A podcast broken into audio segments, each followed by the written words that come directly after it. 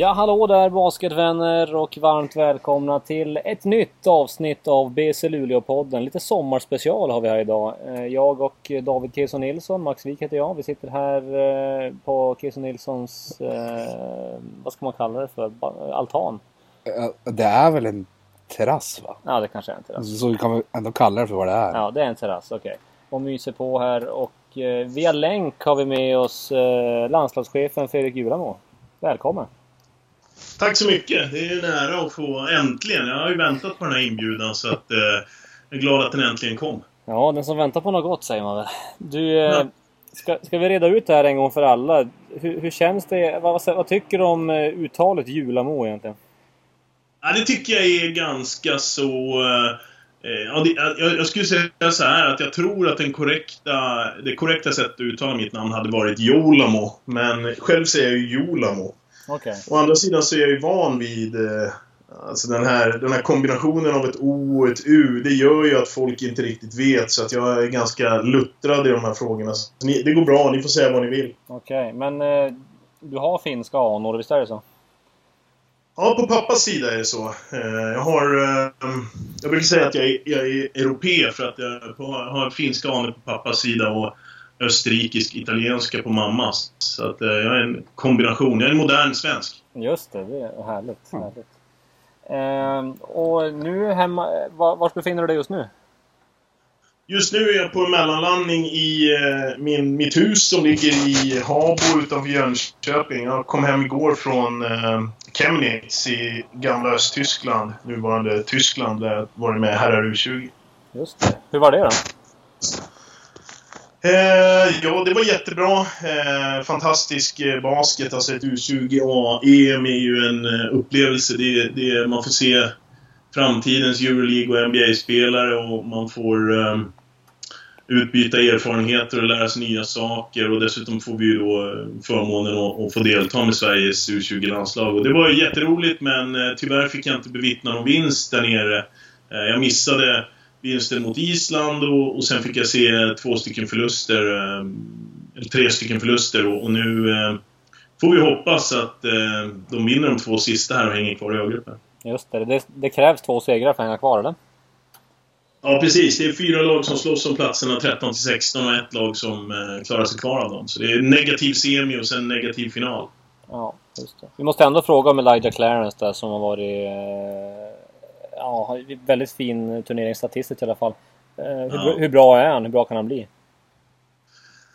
Oj, eh, Elijah är en, eh, alltså en särdeles talang. Han har en explosivitet och en, eh, vad ska man säga, en hunger att göra poäng som är sällan skådad. Han, han eh, är gott och väl, skulle jag säga, den, den, den bästa 1-1-spelaren från guardposition i, i A-gruppen i år i alla fall. Eh, han kan bli otroligt bra. Han... Eh, han behöver utveckla sitt... Eh, ja, vad ska man säga? Eh, han behöver utvecklas som floor leader, han behöver utvecklas som eh, passningsspelare eh, och eh, beslutsfattare med bollen. Men, men han är en, eh, en eh, i Sverige fullständigt unik talang.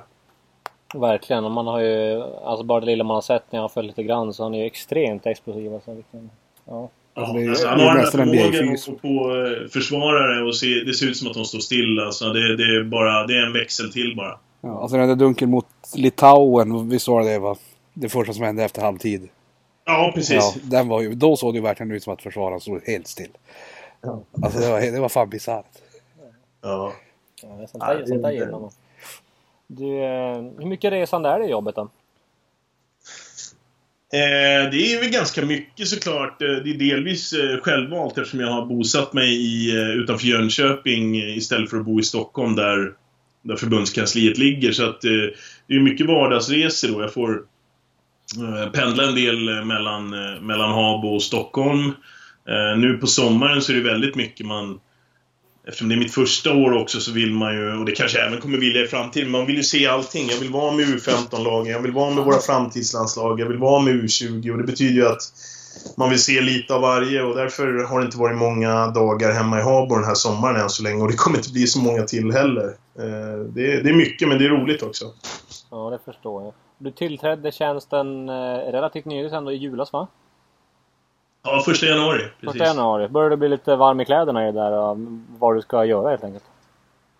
Oj, det är ju det är ett... eh, Det är ett, eh, en, en, en stor uppgift kan man säga. Det, det har ju tidigare varit så att man har haft eh, en landslagsansvarig för eh, ungdomslandslagen, U15 till U18. Och så har man haft en landslagsansvarig för U20 senior eh, och rullstol. Mm. Och jag har väl liksom fått det här eh, alltihopa på ett bräde. Eh, samtidigt som vi har fått lite utökade personella resurser på landslagsavdelningen. Det är, eh, jag får jättemycket stöd av Per Kjellman som ju är, är far till ungdomslandslagsverksamheten och svensk landslagsbasket överhuvudtaget. Får mycket stöd av honom i det här men det är mycket att sätta sig in i och det är, man har blivit kastad rakt in i det. Eh, landslagsåret har ju inte... Det följer liksom inte... Det är inte januari till sista december utan landslagsåret börjar egentligen första september och avslutas 31 augusti. Och därför kommer jag ju mitt in i det. Eh, men eh, ja, det är roligt och jag tycker att jag börjar komma in i det men jag har mycket kvar att, lära förstås. Mm. Vad är egentligen alltså, din arbetsbeskrivning om man ska säga så?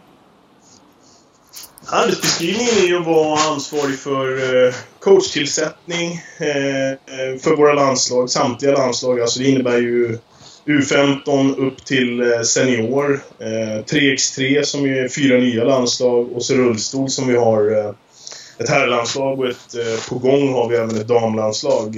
Coachtillsättning, programbyggande. Man säger hjälp tillsammans med coachstaben utveckla programmet eh, när det gäller hur bygger vi läger, eh, vilka träningsmatcher spelar vi, eh, vilken, typ av, eh, vilken typ av selektion ska vi göra? Eh, framförallt på ungdomslandslag så är ju en, en selektion en väldigt viktig del av, av hur vi arbetar för att få fram så bra seniorlandslagsspelare som möjligt.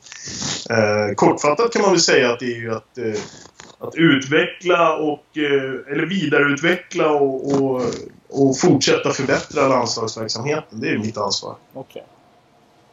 Just det. Men nu ska vi göra som vi alltid gör egentligen i den här podden. Att vi tar och backar bandet och vi, vi tar det från början av din basketresa och jobbar oss framåt till var du är idag någonstans.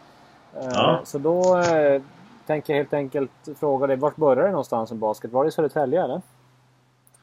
Eh, ja, på sätt och vis var det väl det. Jag, jag, för mig var det en... Och så kom det liksom med eh, modersmjölken, men på pappas sida då. Alltså pappa var ju baskettränare och basketfreak. Eh, och jag började ju egentligen att eh, hänga med honom på träningar redan när jag var i min dotters ålder, alltså eh, bara några år gammal. Och, eh, sen har jag liksom egentligen kuskat runt med pappa i de föreningar som han var aktiv i. Eh, jag tror att, att eh, den allra första, första klubben som jag spelade organiserad basket i var nog Tumba Goif hette de. Eh, där pappa tränade herrlaget. Så där tror jag att jag började tillsammans med pojkar 71 eller något sånt där. Alltså jag var ju alldeles för liten egentligen men... ja, där började det. Okej. Okay. Hur var det som spelare då? Missförstådd. alltså jag man såg, jag tycker för få människor såg min storhet som spelare. Det hävdar jag än idag. Att jag hade, var väldigt snabb och hade bra spelsinne. Men det hade det där lilla problemet att jag kunde inte skjuta bollen överhuvudtaget. Ja, just det. Mm. Därför så... Det, det, var, det var en alldeles för stor brist i min repertoar. Så att jag kom aldrig så långt som... Eh, som, ja, men som jag hade önskat kanske i, som, som spelare själv. Och sen slutade jag lite för tidigt för att, för att liksom ge det en riktig chans. När slutade du då? Slutade egentligen 94 när jag skulle göra militärtjänstgöringen och då var jag, hade inte fyllt, jag hade inte fyllt 20 år än. Eh, då slutade jag egentligen som, alltså man säga, satsande basketspelare och då hade jag ju i några år redan coachat och visste att jag, det här är nog roligare, det här är nog det jag vill göra egentligen. Men man har ju fortsatt att, eh, genom gymnasieåren och satsa inom citationstecken och, och, ändå hade någon form av spelardrömmar. Men, ja, men 19 och ett halvt då la jag av med, med de tankarna och sen, sen var jag borta i några år då i, ja, i det militära och då, då var det naturligt att det var, det var svårt att komma tillbaka till som spelare efter det. Mm. Och när, för det har ju blivit en del coachår måste vi ändå påstå. När eh, någonstans ungefär insåg du att du ville coacha då? Eh, jag tror att jag var Eh, alltså yrkesmässigt, det, det var ganska sent. Det var under, under tiden jag pluggade på universitetet, någon gång kanske 96 som jag började fundera på. Men jag, vill jag jobba med basket som coach eller i föreningsvärlden sådär? Eh, men däremot så var det ganska tidigt som jag började eh, Alltså coacha, det började jag nog göra. Jag gissar nu, men jag är inte säker på om jag var 15, 16 år började man ha minilag sådär. Och, eh, första riktigt, man säger, seriösa laget, det var väl någon gång då strax innan jag slutade hade jag ett, eh, ett killag i en liten förening som hette Kantan Basket som, jag, som vi liksom ändå, då man ändå satsade lite på coachingen och försökte ja, vad ska man säga, förkovra sig i det. Men, men jag, bestäm, jag bestämde mig för att göra det yrkesmässigt. Det var under mina universitetsstudier. Du plugga, pluggade du i Lund eller hur låg det till? Ja, precis. Jag pluggade i Lund och läste juridik men eh, märkte ganska snart att eh, det, det är liksom inte... Jag tror inte att det här är någonting för mig, men man ville liksom inte... Jag visste inte vad jag skulle göra annars, man var inne i det sådär. Så då tänkte jag att jag ja, men jag, jag gör det här, pluggar färdigt och sen hade jag ju sett många av mina jämnåriga som jag hade gått, alltså Peter Ökvist till exempel, Mattias Kent, eh, eh, hela den här gruppen av, av eh, coacher som är ungefär samma ålder som jag, de gick ju direkt egentligen in i ligabasketen och, och eh, coachjobb tidigt. Och jag hade väl liksom ambitioner om att istället ha en civil karriär och bli jävligt rik. Och, och sen skulle jag kunna eh, coacha då liksom ändå inte göra avkall på livskvalitet. Det var min plan där. Ja, just det. Idén. Och när, när, tog du ditt första, ja, vad ska man säga, uppdrag där du blev avlönad då? Det var egentligen i EOS ehm, då i Lund. Där tog jag först damerna i division 1. De eh, på den tiden fanns det ju fyra basketettor, södra, västra, östra och norra. Och, och EOS damlag hade jag då i, i södra. Eh, och avlönat, det är ju ja, det är en definitionsfråga. Men det var ju första gången man fick liksom, eh, lite pengar. Då. Man fick väl någon tusenlapp i månaden kanske. Men, men mitt eh, första riktiga jobb då jag ja, egentligen gjorde det på heltid. Det var ju på BG i Luleå 2010 när jag flyttade upp. Det var, mitt, eh, det var första gången jag, jag gjorde det på heltid. Okej. Okay. Hur skulle du sammanfatta tiden eh, när du coachade i Oslund? Ja, det var, det var verkligen... Eh, det var nog, det är jag ser egentligen EOS som min hemmaförening eftersom jag kuskade runt mycket i eh, i ungdomsåren där pappa coachade och så här så, och jag är kanske, förknippas kanske på det sättet med Södertälje men jag skulle ändå säga att EOS är nog ändå det som jag räknar som min, eh, min hemmaklubb därför att eh, det var en klubb som eh, på många sätt eh, var och är fantastisk. Man har en egen hall, man har eh, liksom byggt för att klara eh, tiderna och inte, inte, inte det här kortsiktiga som, som tyvärr många basket... Jag upplever att många basketklubbar gör. Man, man liksom satsar på ligan det första man gör och sen så istället för att bygga organisationer. Jag tycker EOS har gjort helt rätt de 60 eller 70 år som de har funnits. De har liksom byggt för, på lång sikt och det var en tid då man verkligen fick... Eh, alltså man, man, kunde, man kunde, man kunde liksom driva lag och, och satsa och, och, få stöttning från föreningen och jag tycker det gav jättefina resultat under många år där. Vi fick fram jättemånga fina kullar eh, med spelare. EOS måste ju sett till medlemsantalet och storlek på staden Lund måste ju vara en av de främsta eh, producenterna av eh, spelare som har varit på, på, på liksom hög nivå, landslagsnivå och sådär. Man ser till det, att man inte ligger i Stockholm och någon av de här eh, super, supertäta basketstäderna. Ja, just det. Och efter det, då var det Luleå som sagt var. Hur gick det till då när du, när du landade här uppe? Alltså det var väl egentligen så hade jag under, under ganska många år där, eh, kanske från 2006 skulle jag gissa, började jag få såna här anbud och frågor från eh, små ligaföreningar som jag vet inte, Örebro och, och, och, den typen av föreningar. Eh, men då kändes det som att då, då drev jag egna företag och det kändes för mycket gambling och att lämna. Eh, så att jag började väl egentligen någon gång 2008 tror jag det var, började jag bearbeta eh, Micke Johansson lite i att om det skulle dyka upp något jobb uppe i Luleå så skulle jag vara beredd att hoppa på det. Eh, och så föll det sig så lyckligt att eh, 2010 så hade Pat Ryan varit tjänstledig så länge att jag tror att kommunen sa att han fick inte vara det längre. Eh, och då dök jobbet på, på basketgymnasiet upp då, Riget och, och ja, jag fick... Eh, Micke visste ju det, han la in ett gott ord för mig. Det var en ganska kort process. Jag tackade jag ganska snabbt och sålde min, min sportbutik och så gick flyttlasset uppåt. En lång flytt. Hur var det att komma upp hit då? Det var ju fantastiskt. Eh, det var ju första gången man var på ett ställe där basket verkligen eh, betyder någonting i Sverige. Förutom i, i föreningar. Alltså, det betyder jättemycket i Täljehallen. Eh, men ute på stan i Södertälje så kanske det inte är det största. I Lund var det definitivt handbollen. I Luleå kände man ju det här att det var basket var något stort och viktigt och betydde någonting för väldigt många människor. Och jag, eh, jag tyckte det var fantastiskt. Sen jobbet på, var jobbet på Riget eh, otroligt utvecklande, lyxigt på många sätt. Man får jobba tillsammans med drivna ungdomar. Man eh, behöver väldigt sällan jobba med motivationsfrågor utan det är snarare att man, eh, man eh, måste hålla tillbaka spelarna. De vill ju så väldigt mycket. Och jag tycker att det var, det var en fantastiskt rolig period. då, uppe i Luleå måste jag säga. Hur många år blev det här uppe egentligen? Jag, var upp, jag flyttade upp 2010. På sommaren 2010 flyttade ja. jag upp. Så det blev, eh, ja, det blev sju hela år kan man säga. Ja, det är en bra tid ändå.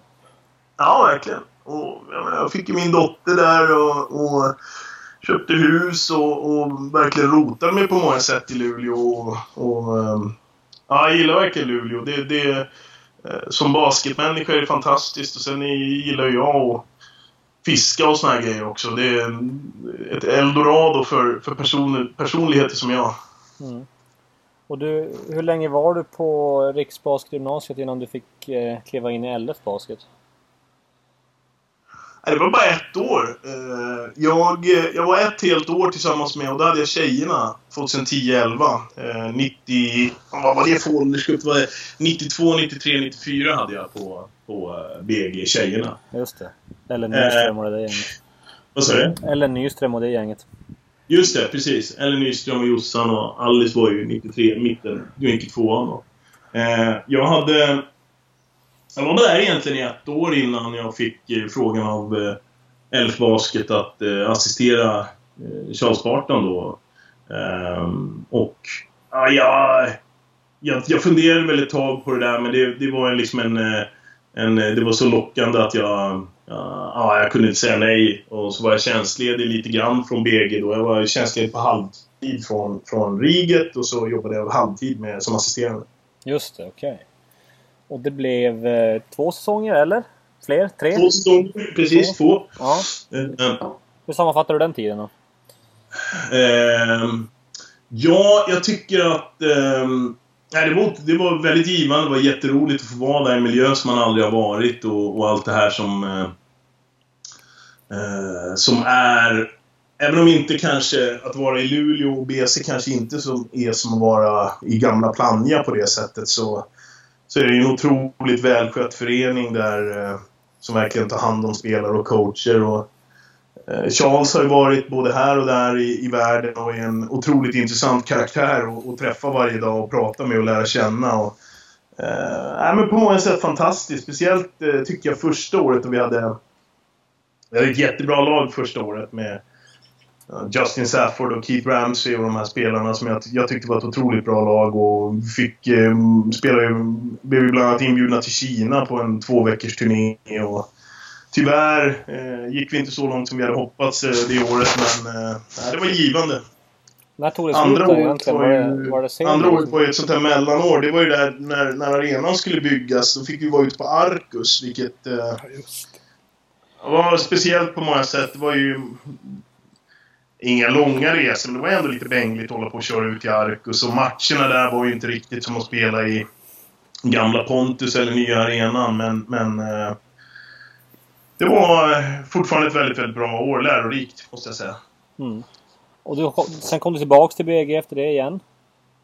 Nej, eh, sen när Charles lämnade så... Eh, då var det Ja, då visste jag inte riktigt vad som skulle hända, men då frågade ju Lasse mig om eh, om jag var intresserad av att vara headcoach. Eh, och jag sa att jag kan ju inte vara det på halvtid men eh, vi gjorde någon form av eh, kompromiss att jag var jag tror att det var 75% eh, headcoach i, i LF och 25% på, på BG. Och så okay.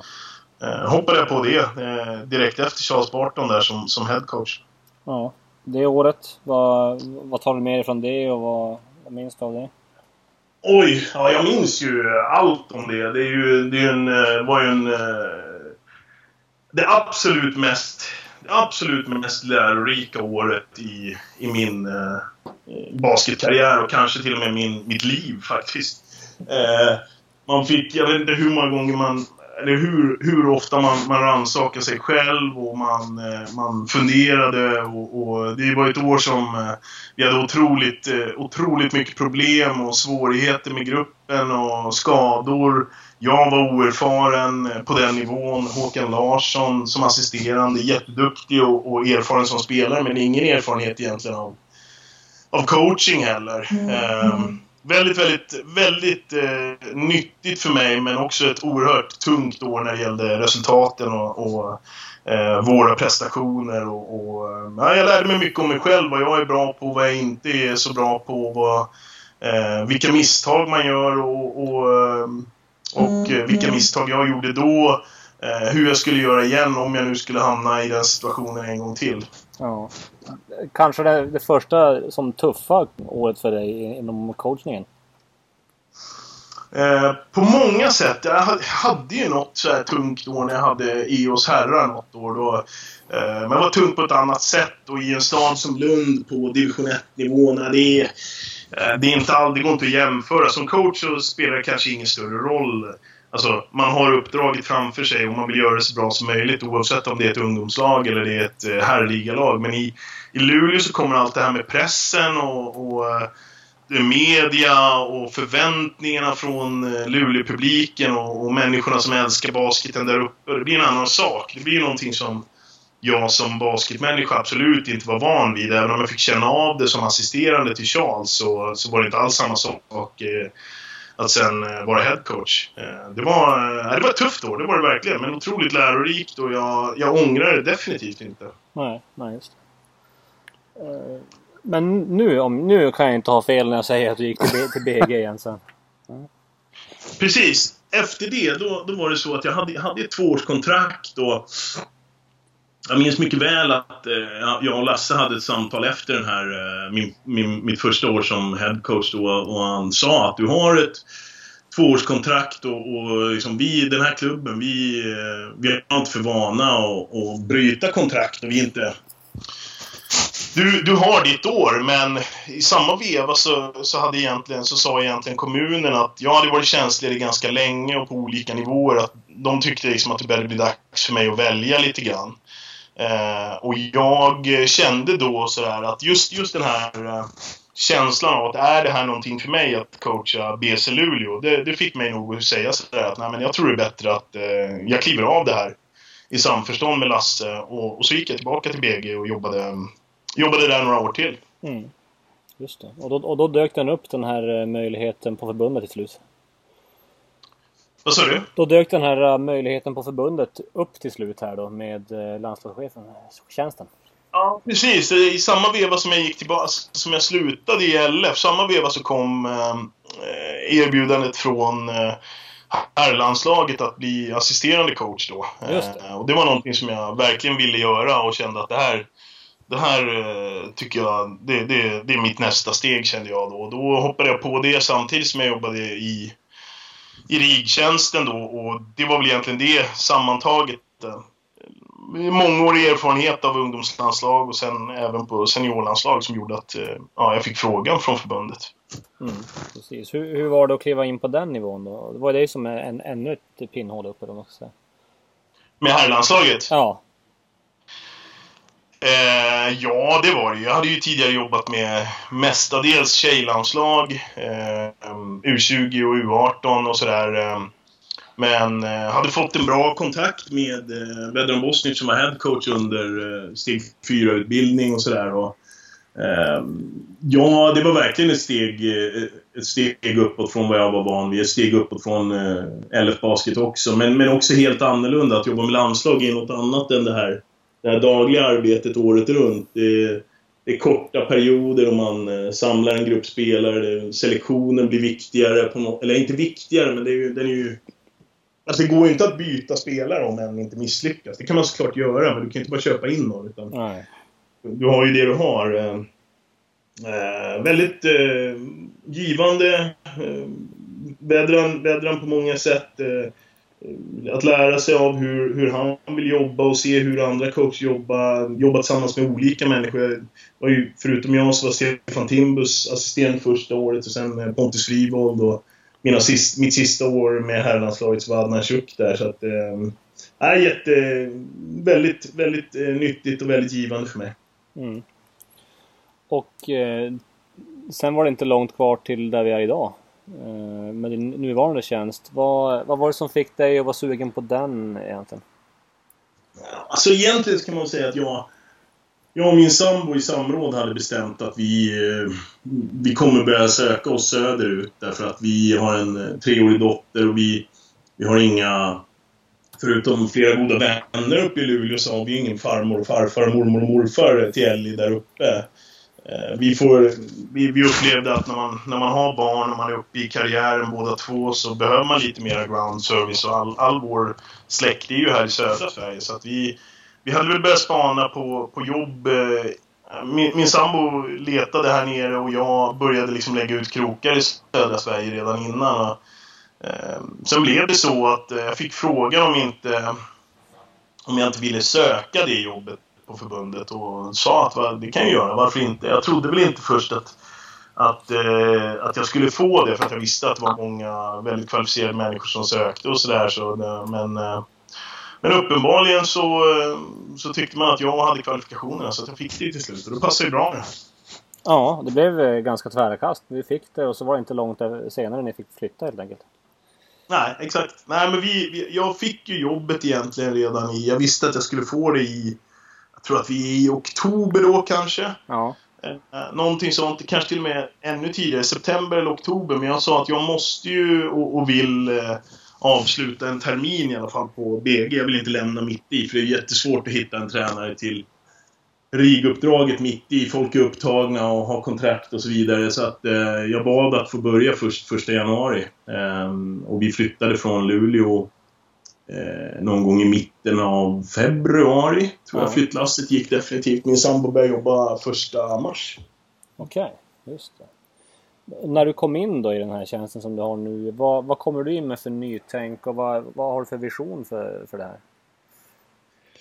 Eh, alltså första tiden, alltså självklart, man, man har ju, när man står utanför och även om jag har varit en del av landslagsverksamheten så har jag inte suttit i eh, i, de här, eh, i beslutsfattande positioner i de här frågorna. Och då har man ju såklart synpunkter och ifrågasätter varför man gör på vissa sak, eh, sätt och man tänker att jag skulle göra annorlunda och sådär. Och, och eh, det är klart att det finns eh, saker som jag ser som förbättringsområden, annars vore det konstigt. Det, jag tror att det är liksom idén med att eh, nyanställa folk och, och, förändra, att det inte är samma människor som sitter på samma jobb året, år ut och år in. Det är ju för att få in nya idéer. Men sanningen att säga så mitt första halvår här, det, det, går åt till att studera hur vi gör saker och ting och varför vi gör saker och ting. Därför att det får man ju, alltså innan man vet varför vi gör saker och ting kan man egentligen inte uttala sig om dem. Alltså, ja.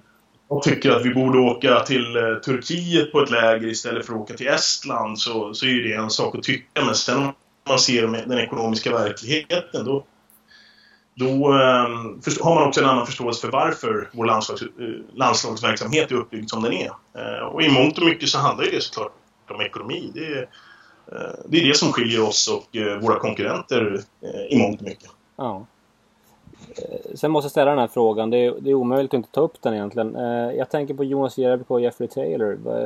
Vad, vad ser du för möjlighet kring deras deltagande i landslaget framöver? Eh, ja, jag kan säga att eh, Jonas upplever jag en, en, eh, I samtal med honom så känner jag att... Eh, känner verkligen att Jonas ser, ser sig själv som en, en, verklig, en verklig del av svensk basket. Och han, han ser sig själv som en svensk landslagsspelare men att det helt enkelt inte eh, har passat in eller passar in i hans, hans, eh, hans, hans, hans, egna karriär då, som i NBA där, där vi har väldigt svårt att sätta oss in i vad, hur vardagen är för en spelare som Jonas Jerebko. Men eh, jag hoppas ju och tror att eh, både Jonas och Jeffrey vill vara med landslaget eh, framöver. Även om jag vet att nu, nu ryktas det ju att Jeffrey är på väg tillbaka till, till NBA och NBA och, och Fiba-fönstren, de passar inte särskilt bra ihop tyvärr. Det, det, är svårt att få hem spelarna därifrån. Vi har inte samma påtryckningsmedel och, och deras serie slutar inte för att vi eh, ska ha landslagsfönster. Det, är, eh, Ja, jag, jag, jag, kan inte uttala mig om det annat än att säga att eh, vi vill att de ska vara med. Vi kommer alltid fråga om de, de vill vara med. Vi kommer ta emot dem med öppna armar. Vi kommer inte, vi kommer inte liksom sluta, sluta ställa frågan till dem och vi är måna om att ha en god relation med både Jonas och Jeffrey och alla andra våra svenska landslagsspelare. Mm. Men jag vill heller inte hamna i läget där vi, där vi hänger upp oss på eh, Jonas Jerebko och Jeffrey Taylor och, och mm, liksom eh, på något sätt snöar in på att det är, det är de hela tiden. Utan vi, vi måste respektera de, de 12 spelarna som vi tar ut till, ett, eh, till match. Det är de som vi ska lägga fokus på. De 12 som står där och säger att jag vill vara med.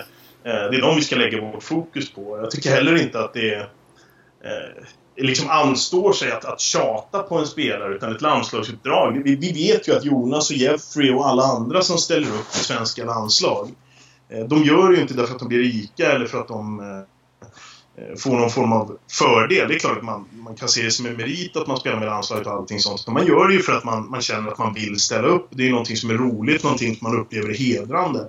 Och är det så att det inte passar in i schemat, det inte funkar för dem, då är, då är det bara att konstatera det, inte lägga mer energi på det och så går vi vidare och satsar på de spelarna som, ja, men som räcker upp handen. Sen betyder inte det att vi inte vill ha Jonas och Jeffrey eller att vi eh, inte blir eh, ledsna när de inte vill vara med. Men, men, vi kan inte lägga all fokus på det. Nej. Du nämner där eh, landslagsfönstren som de ser ut idag som inte alltid kanske rimmar med, med hur NBA och Euroleague jobbar. Va, vad tycker du om dem? Jag har sett till exempel Tony Parker i NBA har riktat en del eh, kritik mot eh, hur landslagsfönstren ser ut idag. Va, vad tycker du om det upplägget nu?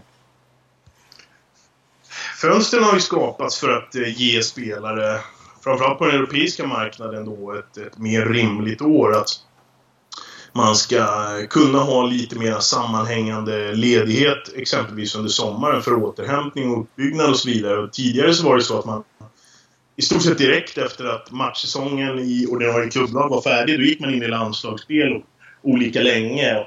Sen när man var färdig med det, då gick man in i sin försäsong med klubben. Och det var ju inte en bra lösning. Vi har ju sett att fotbollen har jobbat med Eh, med fönsterverksamhet, alltså med, med fönsterkonstruktionen ganska länge och, och får ju det att fungera. Men basketen är ju... En, menar, om vi tar Fiba då som, som ju har en egen...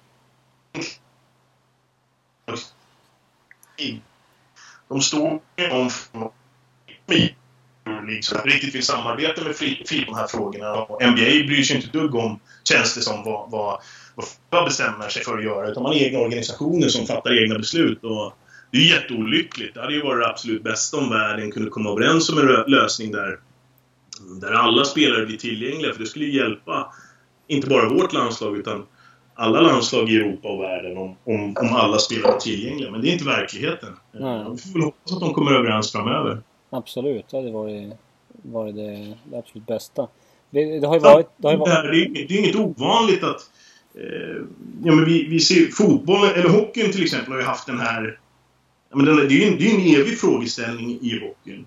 Eh, ja, men de bästa är inte med i VM och nu senast var väl, om jag, nu följer inte jag hockey slaviskt, men, men om jag förstått det rätt så var många av våra bästa med och då vann vi väl VM-guld va? Eh, men det har ju alltid varit snackat. VM, jag menar NHL de, bryr sig inte om, om VM och spelarna väljer att stanna hemma och de här har inte åkt ur slutspelet än. Så det är inte, vi är inte ensamma om det här inom basket. Nej, så är det ju förvisso. Absolut. Um, på tal om, uh, om fönstren, vi har ju haft VM-kvalmatcher ganska nyligt. Vad, uh, vad, vad, hur ser du på herrarnas insats i VM-kvalet som har varit? Ja, eh, jag tycker att... Eh, Alltså, jag har svårt att, att, att, att eh, kritisera den insatsen som vi gör med herrlandslaget därför att vi har inte eh, de bästa förutsättningarna när vi går in i, i match mot två man säger, europeiska toppnationer som, som, eh, eh, som, som Lettland och Turkiet ändå är. Eh, vi, vi saknar inte bara Jonas och Jeffrey då, utan eh, oturligt nog får vi ju Marcus Eriksson också oh, borta från, från den här sammandragningen. Och, mm att eh, man, det blir, det blir det är någon som har uttryckt i, om det är någon bloggare, eller kanske är din pappa eller, eller, eller någon annan, att eh, ytterligare en hedersam förlust. Och det var väl lite så mot Lettland. Det är ingen, eh, ingen dålig insats vi gör på något sätt, men de har ett par spelare som är på nästa nivå de, eh, de, får, eh, de drar det, det längre strået. Eh, matchen mot Turkiet, då är vi ute, vi, det är färdigt för vår del. Det är svårt att hitta den där riktiga motivationen, speciellt i en match med en, med en mot, en, mot en, en världsnation i stort sett som Turkiet då, eh, som har ett jättebra lag där nere. Och vi förlorar även den. Eh, jättetråkigt, men eh, bara att konstatera att det, det materialet som vi spelar med gör sitt allra bästa.